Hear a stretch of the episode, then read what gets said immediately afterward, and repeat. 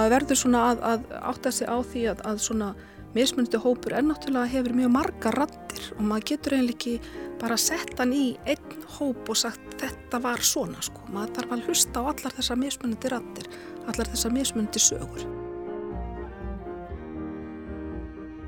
En mér finnst það, fannst það minnst, minnst að kosti þegar maður fór að koma niður að hafnabakkan og þá, og þá opnast hérna þegar maður komið gegnum þetta hafnakverfi þannig og svo opnast pínu lítið bæ með, með almennum húsum sem voru ekkert í rústum og ekkert sprengt. Svo það, það var að, og svo, svo kom þessu litlu húsur hérna á lækjagötu sem ég fannst það doldið sætt.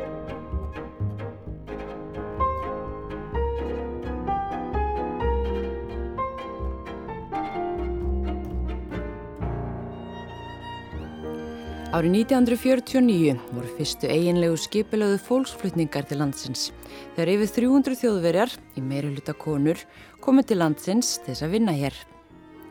Í þættinum í dag ætlum við að rifja upp söguna því og tildröð þess að þessi hópur komingað og ræða við eina þessum þýsku konum sem settist í rað.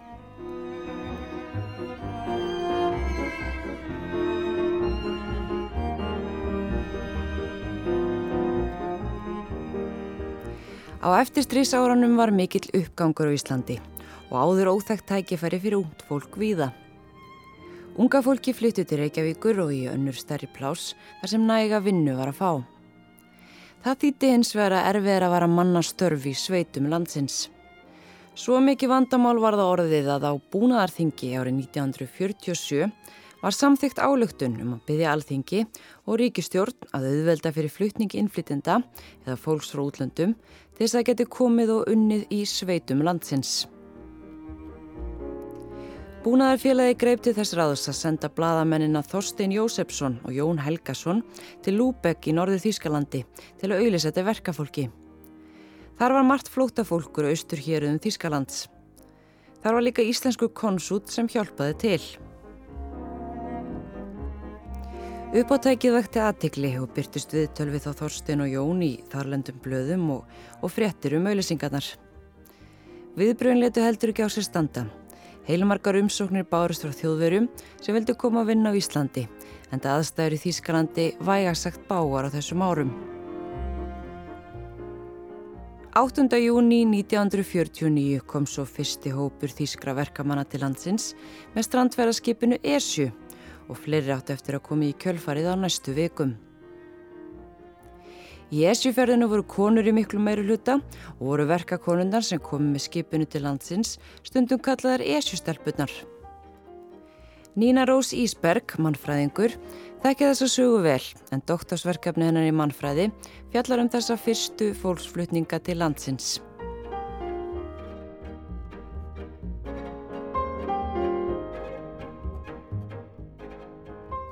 Það er hægt að segja að þetta sé fyrsti skipulaði innflytjandahópurinn á Íslandi. Hann er það og það er ekki þar með sagt að hafa ekki flust uh, fólk til landsins áður fyrir þess að auðvitað gerða það. Og, og hérna og það eru, sagt, það voru til dæmis væriski sjómen og, og það voru ég vel danskar stúlkur sem komi hérna til þess að vinna á heimilum. En þetta er fyrsti stóri skipulaði hópur af erlendu verkafólki sem kemur til Íslands vegna þess að þau koma náttúrulega sem verkaminn en ekki sem innflytjendur.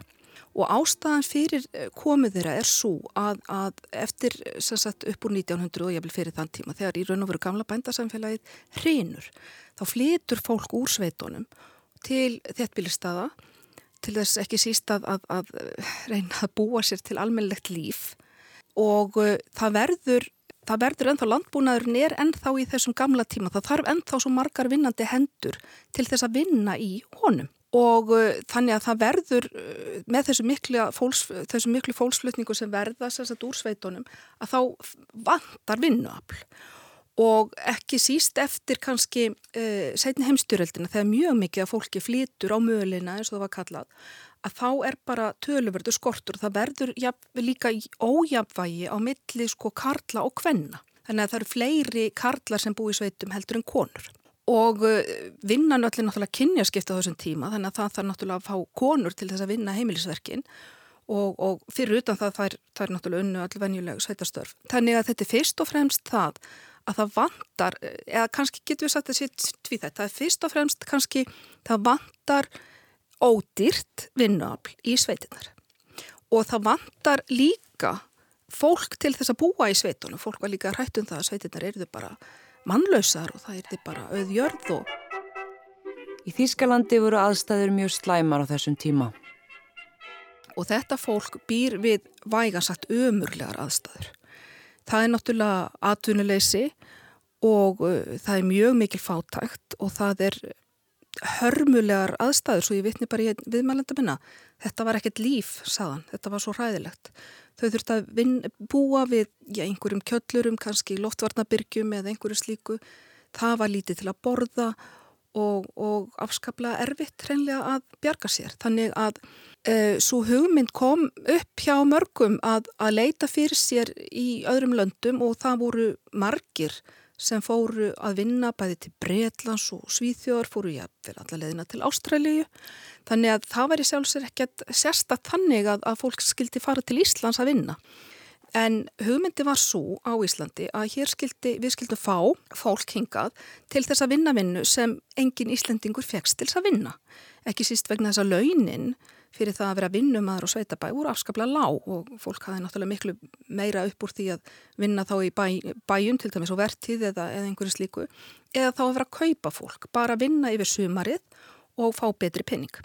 Þannig að, bændur vildu fá vinnufólk til þess að vera alla, allt árið og á tiltúlega lágum launum þá en fá í staðin húsnæði og uppihald og annað slikt og um, Og þetta sem sagt eh, gekk í gegn, það voru tveir menn sendir út til Þýskalands, út til Lübeck. Þar var auglýst eftir verkafólki til þess að fara til Íslands og vinna og hugmyndi var svo að þau ætti að vera allavega eitt ár. Um helmingur af því fólki sem kom hinga, tæpur helmingur, var flotta fólk. Rúmur helmingur var frá uh, Norðu Þýskalandi og uh, þarna var fólk sem var Sumir voru yngri en 18 ára, það voru dæmi um það og, og nokkrir eldri en 35 ára en það var semst þetta aldurstíðanbill sem hafði verið ákveð 20 til 35 ára. Og uh, það var sem sagt loks tókst að ráða þann fjölda sem var, var hérna búið ákveða, það urdu alls 314 í, í heildina, 230-40 konur og restinn 76 karlar, eitthvað svo leiðis og það var síðan ákveð að senda strandferðarskipið ESU til Hamburger til þess að ná í þetta fólk og það var gert í byrjun uh, júni, eða semst fólki kom hingað í byrjun júni 1949.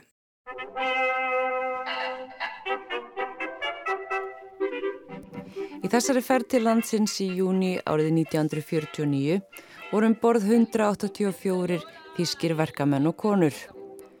Um borð var meðal annars einn 18 ára gamla Gisella Sjúls. Var með þeim yngstu í hópnum, hafði rekist á auglýsingu í bladi og sótt um. Og nú er ég komin hinga til hennar, 69 árum síðar, á heimilennar á Laufásvegi Reykjavík. Fadir eigimanns hennar byggði þetta hús sem hefur alltaf verið í eigu fjölskyldunar. Þetta var auglýst eftir starfsfólk á Íslandi og mér var bent á og ég var teginn það var eh, að val, velja út eitthvað fólk en ég var svo ung ég, ég hætti átt einhver tæki, tækifæri til að fara til Íslands ég var að rétt átján Gísala hafði aðeins heyrt örlítið um Ísland að hún lagði upp í ferðalagið og það í gegnum ettukvæðin sem hún læriði í skóla. Að öðru leiti viss hún lítið sem ekkert um áfangastæðin en tækifærin voru nánast engin í heimalandinu. Jú, maður heyri náttúrulega pínlítið hérna og, og þekktu pínlítið til Íslands út af þessum eh, ettakvæðum sem maður las nú í því í skólum. En meira viss hún ekki. Hún hafði ferðast fótgangandi þeirri vona finna nýj tækifæri. Ég held að Íslands væri ekki nefn að kletta ég.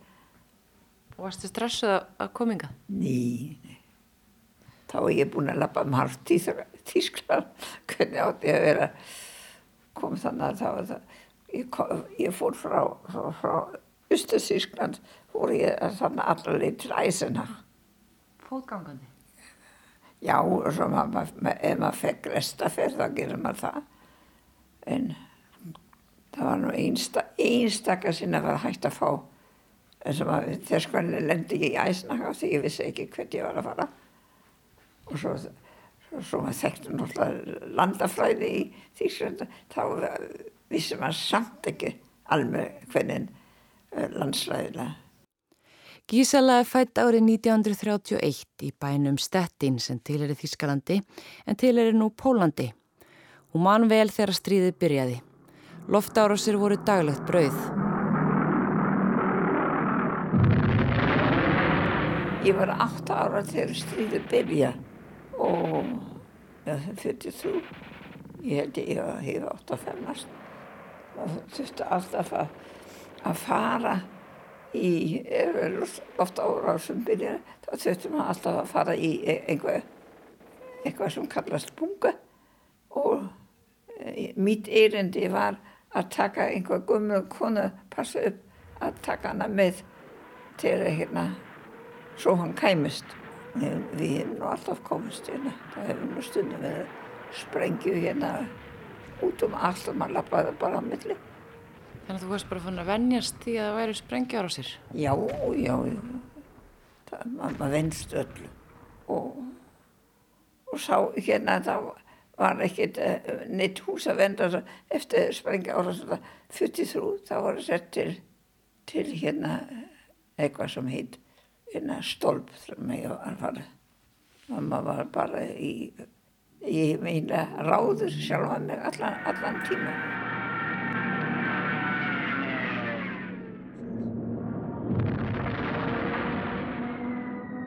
Sprengi árása byrja mjög, mjög flótt þegar stríði byrja. Manstu eftir þegar þú heyrðir sprengjónu fyrst?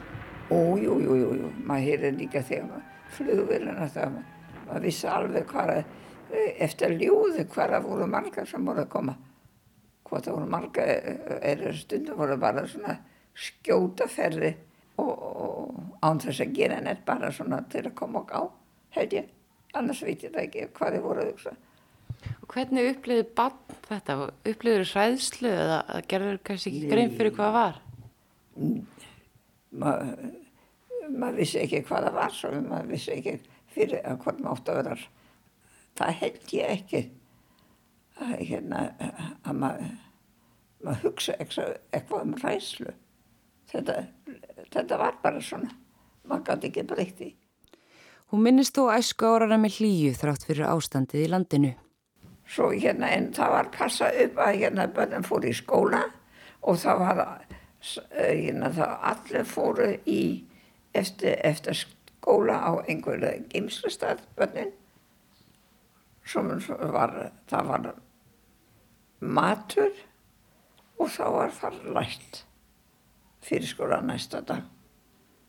Það var passað upp á þetta? Já, það var passað upp á þetta. Það var, ég man alltaf eftir þegar var, var uh, uh, spínat og egg. Ég vildi ekki egg, ég var, ég var ónægir fyrir ekki allan tíma. En ég, ég veit að ég gæti verið hugsa mig að borða borða, borða kallur og spínat. Það var ekki nota kjöt í allan það var náttúrulega grænmyndist agafræ en flestu vildu ekki en ekki spínati sko það var eins frálst finnst mér svo þetta voru í, í, í Þýsklandi að hérna var náttúrulega í skólan og hérna og, og eftir skóla sko þetta var fastar að skoða sem að var sendur svona í fríi til í, í skóla voru settur til Rúgum eiginu sem hann í Ísrasaldi og var þannig kannski já, mjög slangan tíma. Og svo hérna var og svo voru sett í sveitir í frammi í Þýskland sko, til að komast út á borginni í Sprengárasan en svo var ég samt einhver hlutar vegna var ég í Stettin ég átt eitt bróður hérna sem var sá hann fór í eitthvað sveitabæ öst í Þýsland. Ég man, man ekki ná, nákvæmlega hvað það var. Það er enga ætt, ættinga sem, sem fóru til. Hann hefur ekki séð síðan þá. Og maður fór eftir ekki sem krakki þegar eftir skólanum og maður fór hann að þá gerir maður alltaf, maður fór alltaf að læra strax. Þegar maður kom heim úr skólan fór maður heim og læra og fara að borða og fara að læra og þá hýtist hópurinn og fór svo nýra á. Ég held að hérna þegar einhverstað vatn er einhver nálega þá fer fólk þarna. Við hýtumst þarna og fylgdist með, með kajaka og, og róður og klúpun áttu heima þarna, hinn minnu ána. Við þurftum doldið að lappa en þetta fór nú enginn að leggja nett fyrir að lappa pílinn lítið. Er ég held það ekki. Til bara að komast eitthvað og svo fórum við, eh, það voru við áttum svo marga staður sem við gáttum farið. Svo fórum við stundum nýri eh, hérna að bámbröku sem, sem það sem skemmtifæðarskipin komu. Fórum svo þanga og fylgjast með fólki það. Reyndar hitt hún aldrei neina úr þýsku fjölskytunni sinni eftir hún fór frá Þýskalandi. Hún segir að þrátt fyrir stríðið þá hafi verið passað upp á krakkarni gengu í skóla og minnist æsku árana í Þískalandi. Þetta var hérna ægi, þetta var, þetta var bara svona, mér fannst það svo sveitarlegt. Koma, komandi og fjölmenni í Stettin og Stettin var stórborg, það var ríkborg. Þetta var bara svona svo lítill bær eða? Já, já, já, þetta var pínd eh, sveita, þessi litli bæi í, í Þískland er ekki stóri. Fjölskyldan flúði stettinn og fluttist til minni bæjar. Gísala kunni ekki velvissi þar. Þegar rúsarnar höfðu líka hert ekki þann bæ hjæltunar stað fótgangandi í leita betra lífi. Þegar ég var í, uh, í þarna og rúsar komu þá þurftu mann alltaf að komast tilbaka og þá var nú engin á, ákveðin hvert á að fara. Svo hérna, hérna, svo ég fór bara að stað gangandi tilbaka. Ég, ég, ég átti einn ferðarfélag, það var einn gæs sem fylgdi mér allan tíma. En fjölskyttuðinn, hvað var hún? Hún, hún, var, hún var eftir og fór svo setna sem ég frættið. En ég hafði aldrei neitt mikið samband við fjölskyttu minna eftir, eftir, eftir þetta. Og þá erum við komin að ferðinni til Íslands. Það var í byrjun júni árið 1949 sem Esjan lagði í langferð til Íslands með þýst verkafólk sem búið var að ráða til vinnu í sveitum landsins. Lang flestur um borð voru að leið til starfa á sveitabæjum en Gísela var að fara að vinna á vývulstöðum þar sem þátt völdu berglasjúklingar. Og Gísela minnist ferðar hennar svona. Nei, nei, það, við fórum með Esju, ég þekkti enga þannig að ég var nýkomin hana til Lübeck og fórum með lest til Hamburga og mér fannst bara skipið þetta lítið. Voru ekki alltaf margir um borð? Jú, jú, jú, jú. Það voru nefnilega eiginlega allt og margir um borð. Esjan tók um 150 en farþegarnir voru yfir 180. Um 130 konur og 50 karlar. Sjóferðin reyndist mörgum erfið og margir eru sjóveikir. Þó ekki Gísela, sem þekkti fáa um borð, en hjælt sig að mestu með annari stúlku sem var einnig ein á ferð og mestmægnis voru þar upp á dekki. Ég veit bara, ég þóldi ekki líktinn og ég svaf mestmægnis á, á, á dekk og ég, af því ólílíktinn var svo sterk, ég þóldi lág, ég held að þess að vera fólks sjóveik. Finnir þessu ólulíkt fars og heldur í, upp í, í frían heim frí, frisk loft þá sleppa við ég, ég var ekkert sjóveik Nei, ég þetta eina stúrkur sem við vorum svona tvær eina þannig svona, hún úrsula, hún er dán fyrir lungu síðan Hún segist ekki muna til þess að hafa útast neitt sérstaklega þar aðstæður sem hún var í. Hún segist reyndar aldrei muna eftir að hafa verið neitt sérstaklega hrætt í esku.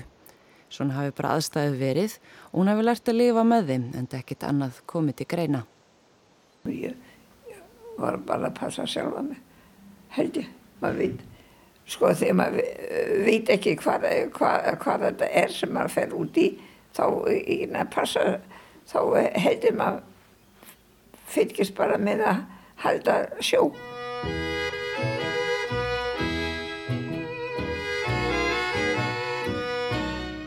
Skipið sildi svo í höfni í Reykjavík aðfara nótt 8. júni. Fjölmenni var á höfninni enda við bæjabúar beði komi skipsins með eftirvæntingu. Skipinu var ekki hleyft inn í innurhöfn fyrir um borð höfðu farið fulltrúar stjórnvalda, Búnaðarsfélags Íslands, héraslæknir, auglæknir, tollþjónar, starfsmenn útlendika eftirreitsins, tólkar og ímsir aðrir aðstofamenn. Síðan var farið með farþegan á flugvallarhóteli þar sem búið verið upp á morgunverð og svo lækniskoðun. Gísela mann eftir því sem fyrst blasti við henni í Reykjavík. Mér fannst það ekki nema stráka með opbúslega skröðlega bindi sem ég ekki sé á þau og allir rauðhæði. En það fannst mér þá. En ég er rauðahárið, er horfið og það þykir mig einlega synd en mér finnst það, fannst það minnst, minnst að kosti þegar maður fór að koma niður að hafnabakkan og þá, og þá opnast hérna þegar maður komið gegnum þetta hafnakverfi þannig og svo opnast pínu lítið bæ með, með almennum húsum sem voru ekkert í rústum og ekkert sprengt svo það, það var að og svo, svo kom þessu litlu húsur hérna á að lækja götu sem ég fannst það dóttu, fannst það dóttu sætt.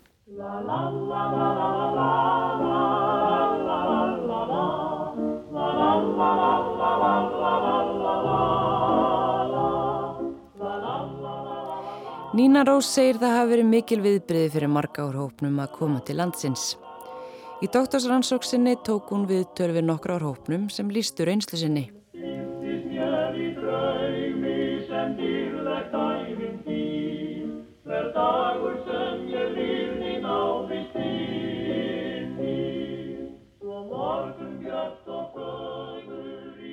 Þessi ferð að fara með Esjunni og Esjun gæti náttúrulega ekki tekið nema svo og svo marga. Það var eitthvað rúmlega 180 sem kom með Esjunni og síðan voru þeir sem eftir voru komið með mismundi tógurum til landsins þegar leiða eftir og allt sumarið.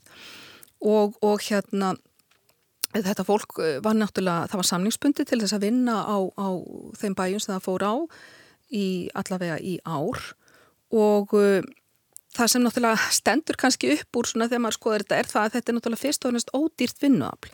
Vegna þess að það búið að lofa þeim hinn og þessu úti í Þýskalandi. En þegar þau koma hingað til Íslands þá átta þessu á því að þau er í raun og verið að fá mm, mun lægra kaup heldur en Íslendikar hefðu fengið. Og svo að sjálfsögðu fengur náttúrulega konulægra kaup heldur en karlar og, og hérna þannig að, að það var nú kannski svolítið erfitt að leggja fyrir eins og þau hefðu vonast til Og svo má náttúrulega ekki gleyma því að, að hérna, aðstæður á Íslandi eru allt aðrar heldur en þar eru í Þýskaland á þessum tíma.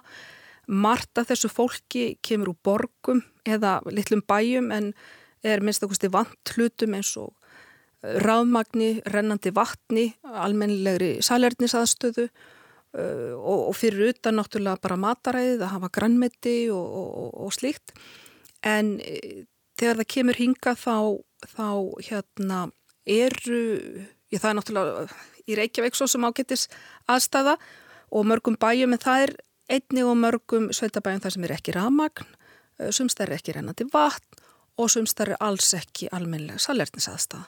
Þannig að það var töluvert sjokk fyrir marga og einnig var það sjokk þessi gamli matur að um, þetta var ímest saltað eða, eða svo náttúrulega hangikjött og annað slikt en það varu svið og saltkjött og, og ekki, ekki nýtt kjött og um, mjög lítið á grænmeti fyrir utan náttúrulega karteblur. Og þetta var ansi erfitt fyrir fólk í byrjun. Þetta er svona það erfiðasta. En það má heldur ekki gleyma því að aðstæður voru mismunandi og sumir voru í ekkert sérstaklega góðum aðstæðum, getur við sagt, og aðrir bara í mjög góðum En það er kannski ekki það sem stendur upp úr þegar fólk myndist þess hvernig var að koma hingað, heldur var það kannski ekki síst sko viðmót fólks. Og þeir sem ég talaði við, þeir höfðu svo sem mismunandi sögur að segja, en mér fannst svona gegnum gangandi þau vilja leggja áherslu á það að þeim hefði verið tekið vel. En svo er náttúrulega annar mál að þau voru líka með þá sögu kannski sögum að í byrjun fóruð á einhvert stað sem var alveg hæðilegur eða eitthvað slíkt og fóruð svo annan stað sem var miklu betri. Þannig að, að, að það verður eiginlega að átta sig á sko breytinni á öllum þessum sögum. Það er, það er þarna fólk sem fer á, í hörmulegar aðstæður. Eh, það er þarna fólk sem fer í mjög góðar aðstæður og svo er fólk þarna inn á milli og sumum er tekið vel og öðrum er kannski ekki tekið eins vel en það er ekki hægt að leggja sko, komur að segja, það er ekki hægt að, að, að segja að, að hérna allt hafi verið í allt hafi verið svo frumstætt á Íslandi og þessar umgjá konur þar, þar var bara hérna misnotaður og ég veit ekki hvað hvað, það, það er ekki semst rétta myndin sko, það eru mjög margar mismunandi sögur. Það eru til ljótarsögur og það eru líka til góðarsögur og allt þar á milli. Þannig að hérna reynsla þeirra var, getur við sagt, alls konar. Uh, en þau vildu leggja áherslu á hvað, hvað hérna þeim hefur verið tekið vel og svona það sem hefði gengið ítla það kom svona kannski svolítið svona setna og ekki alveg eins ekki lögði eins mikil áherslu á það. E, það er kannski bara einn liður í því hvernig maður dílar við fortíðina að, að, hérna, að leggja áherslu á það sem vel hefur gengið og reyna að gleima því sem illa hefur gengið. En, en e, e, maður verður svona að, að átta sig á því að svona mismunandi hópur er náttúrulega hefur mjög marga rattir og maður getur eiginlega ekki bara sett hann í einn hóp og sagt þetta var svona sko, maður þarf að hlusta á allar þessar mismunandi rattir, allar þessar mismunandi sögur.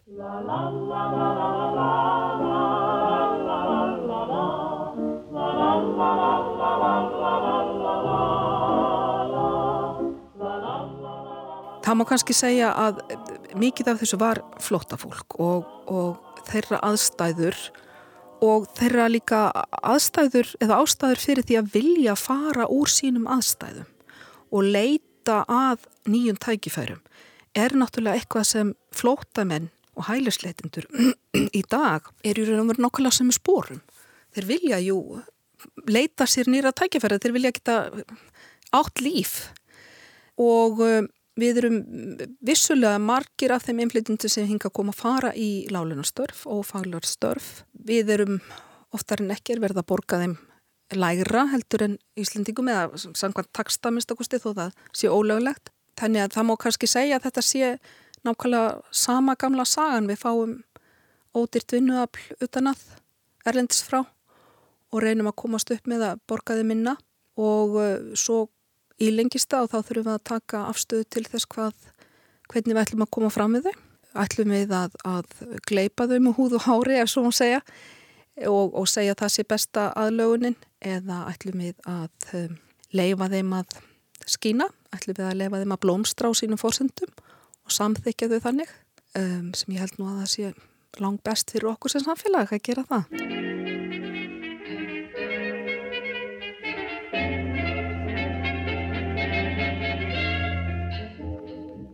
Gísala fór að vinna á vývulstöðum fljóðlega eftir hún kom til landsins. Manstu eftir fyrstu dögunum hérna á Íslandi?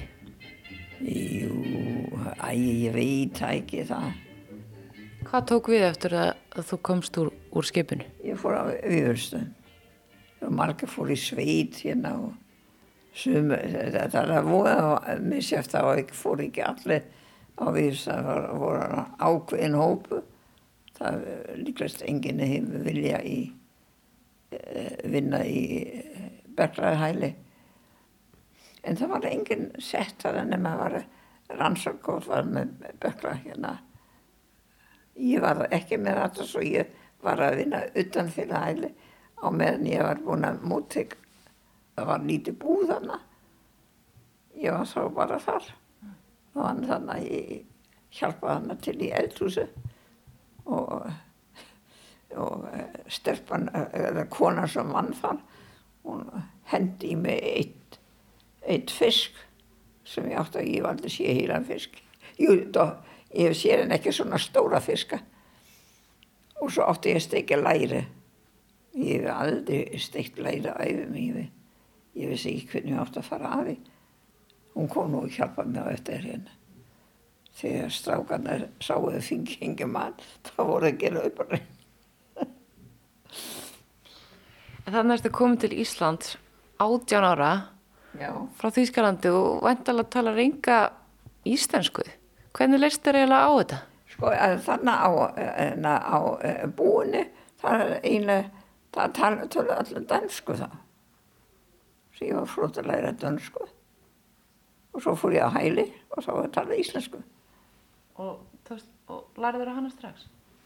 Ég, ég læra mjög, mjög, sjúklinga voru afskaplega eh, hjálpsama til að hjálpa manna til að skilja.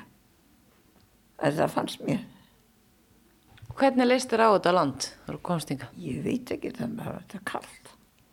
Er, er, það var eina, já ég var ekki marga dag hérna þegar ég fauk í burstu frá hælinn þegar ég var á leiðin yfir í húsi. Að hérna, að fauk yfir, yfir og lendu í kjallarann hjá búmannin, uh, bústjóran og í kjallarartröpu með ming. Dau, dauða ming í fanginu. Ég man það alltaf eftir með tenni. Var hann með döðan ming í fanginu? Já. en hvernig þannig að það voru ekkert mingabú og ekki nett þannig. En ming var samt. Eh, ming er nú ekki íslensk dýr. En þetta ljóta að vera svolítið svona, þetta er að vera ólíkt því sem vorstu vön í Þýskalandi? Jú, jú, auðvitað þetta. Það er, það er hérna, fyrir að fyrst er að, mér fannst það gott að geta lesið án þess að hérna hafa ljós. Svo maður las eins lengi fram á kvöldin og svo bytta aftur þegar svo kannu að halda áfram að lesa. Að það var alltaf bjart? Já. Hér á Íslandi? Já. Já. Það er náttúrulega voðað mikið mun. Hún man vel eftir fyrsta launasælinum og fyrstu launin frá výfylstöðum voru vel nýtt. Jú, það er eina sem ég man eftir til fyrstu launin á, sem ég fekk á výfylstöð. Við fengjum það alltaf útborga hjá rásmenn. Ég kipti mitt æðadónsæng. Það var einhver, einhver Siggi, Siggi Bondi sem var þarna og hann hafði eitthvað sambandi við einhver æra, æra búmenn svo hérna ég fekk mér sæng Það var fyrsta sem við keftur á Íslandi það var æðatónseng æðatónseng sem ég á eins og.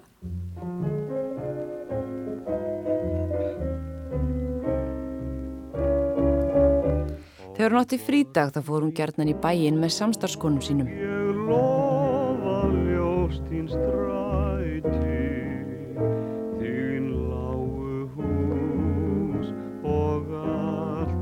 fyrir bæ.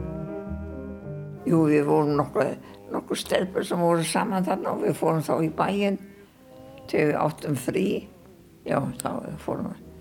Panda maður sér tíma hjá Hálgrímsson. Ég var með svo mikið hár þá og svo ég, hefur mikið núna. En ég var þá með óa mikið hár og ég þurfti að láta að laga þetta. Og það fór svo einu sinni viku þarna í Östustræti 12 það var að Hálgrímsson stóð af því það var einhver sem stelpum mig í víu sem hefur sendt mér þanga þau voru voðalega hjálplega Og það var einmitt í svona bæjarferð sem Gísela kynntist eigimanni sínum Árna Jónssoni. Er um.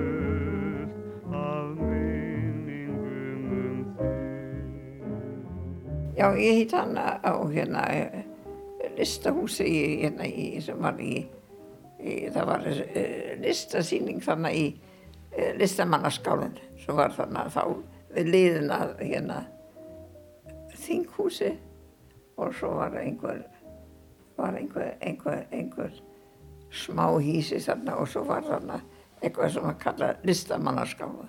Íslensku listamenn voru hérna stilla út þannig að hafa, hafa síning þannig. Þetta er bæ? Já, ég hún er lungu fann þessi skálinn, ég veit ekki hvað hún var lengi, ég mann manna ekki. Vi, við, vorum, við komum því áttum frí og við vissum það fórum við gætna hérna til bæjarins og fengum okkur. Við fórum oftast nær í hérna í, í hargræslu og svo kiftum okkur í matin í sitt og fisk mm. og til að geta stygt okkur eitthvað kvöldin, eitthvað svona, ekki, eitthvað svona nautasteikur eitthvað svona. Eitthvað öruvísin var annars var matur mjög góð á hælinu. En og þarna kynnistu manninuðinum? Já, við giftumst 54 Þarna hittur þú íslenska mann og hvernig, hvernig var það allt saman? Við bara uh, mannust afskaplega vel saman og, og er ennþá saman. Ég segi bara við, við, við, það er gott að hafa einhvern til að nöldra við Og þið hafi búið svona meiri hlut dæfinar hér já, í, í, á laufarsviðinu? Já. Margar þeirra þýsku kvenna sem komið til landsins gengur hjónaband með íslensku mönnum og settust hér að. Nína Rós segir það hafi verið sammertar einslæg á mörgum þeirra kvenna sem hún rætti við að tengda fjölskylda hafi reynda stjórnast með hvað hætti konanskyldi halda heimili. Hún segir Marta hafa komið sér óvart við rannsók sína. Sögur kvennana voru mjög ólíkar, margar settust að hér á landi en aðrar fluttu aftur úr landi.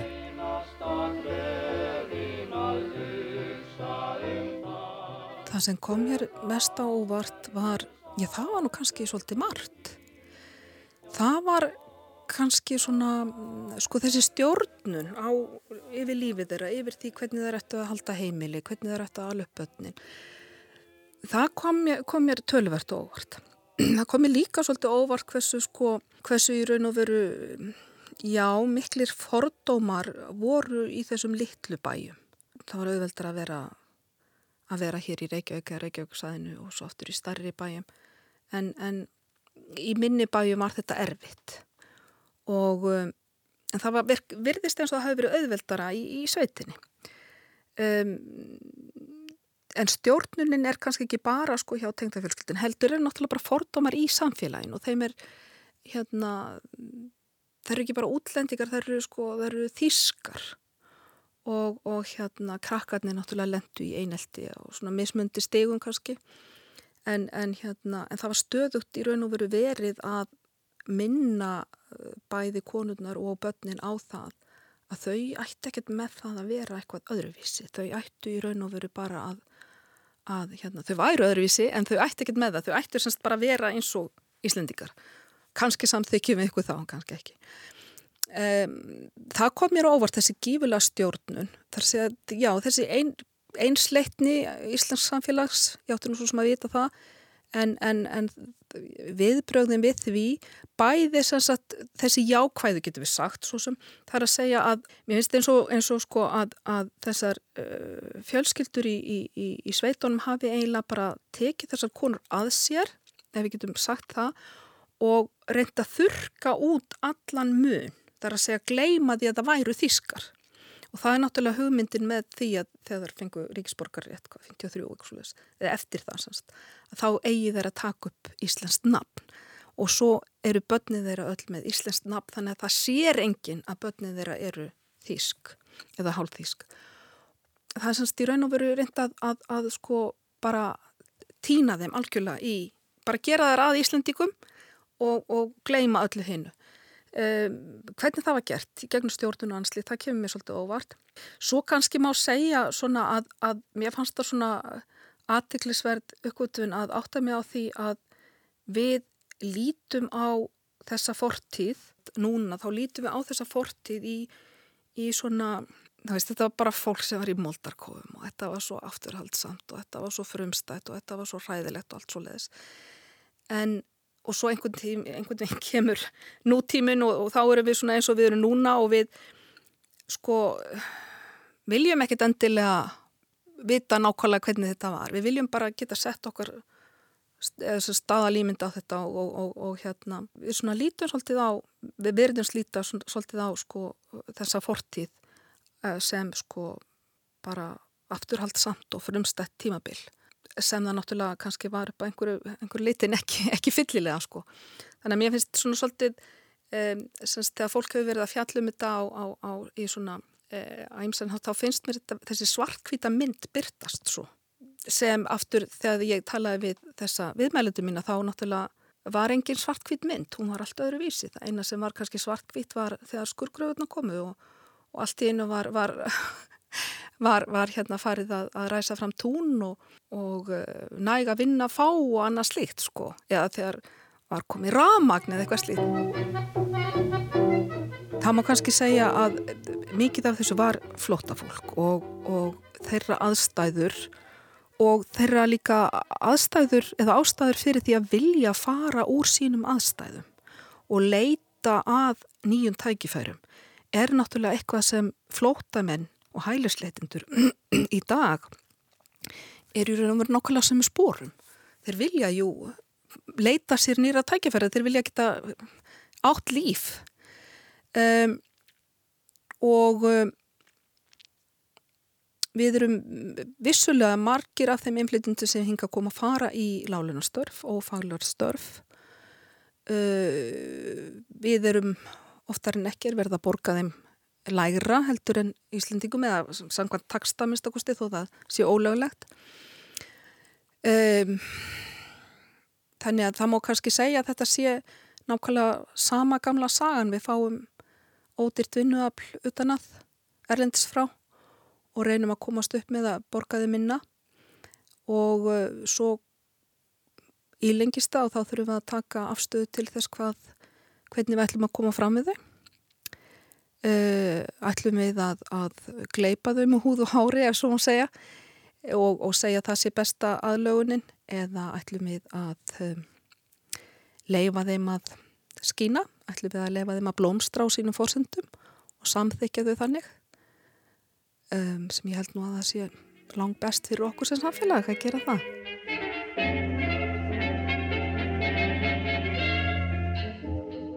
Eftir að Gísela fór frá Þískalandi þá heyrði hún ekkit aftur í fjölskyttu sinni þar. Hún hefur eins og verið oft farið tilbaka til heimalandsins og ferðast. Þegar maður lífið maður bara lífið svona eins og, eins og lífið er í kringum og uh, hérna maður annarkvort uh, hérna ég hef nú komast þægilegt í gegnum þetta allt saman Eftir þú komst til Íslands hafður eitthvað samband við fjölskytuna þegar núti? Nei, ég voru að líti sko hérna pappi minn og mamma er voru og guðum að segja tón og rétt á öttu og ég hafði aðri samband með mína uh, eh, sískin sko hérna ég var eina aldrei kynst af því ég var annarkot var ég á Rúgun ég var í sveit í Þýskland eða ég var hérna einhverju hérna á flottamannarlegu Þannig að það var kannski ekki svo mikið samband áður og fóst? Nei, það var nefnilega ekki svo mikið samband af því ég nei Nei, það var ekkert mikið samband eftir, eftir uh, sko, stríði breytti þessu öllu saman og, og ofta ára á sig. Hugsaður eitthvað til mann hvað hafa voruð um þau? Mm, nei, ég ég veit að hérna, jú, jú, jú, maður hugsa, en hérna, það er besta hérna, maður, maður hefur ekkert, maður hefur ekkert daglegt samband við neitt þá er best að láta þetta eiga sig. Það heit ég. Ég hóf mitt líf á Íslandi og hérna og ég ætla að drefast hérna. Gísala segir stríð aldrei eiga rétt á sér. Hafa hann dalist upp í stríðsástandi þá veit hann að stríð getur aldrei neitt gott af sér. Ekkert nema óhamingju almennar borgara. Hún er sátt við líf sitt á Íslandi en það þekkir hún ekkit annað. Hefur búið hér í tæplega 70 ár af 87. Ég hef aldrei getið skilja þess að mikið strís yfirlýsingar. Yfirleitt skil ég ekkert að skilja nokkur tíma með það strís. Það getur hægt að tala og semja um allt. Það þarf ekki að vera stríð. Það er bara Eina, ef þú vilt eignast eitthvað sem ég á, þá skal þau hérna berjast við mig. En ég held ég myndi nú láta þetta eftir frekana. Ég myndi að tala þau um og þú átt ekki rætt á því. Það er hægt að gera þetta, ég, ég veit ekki bara. Þessi stóru strísýfurlýsing er bara svo ruggl.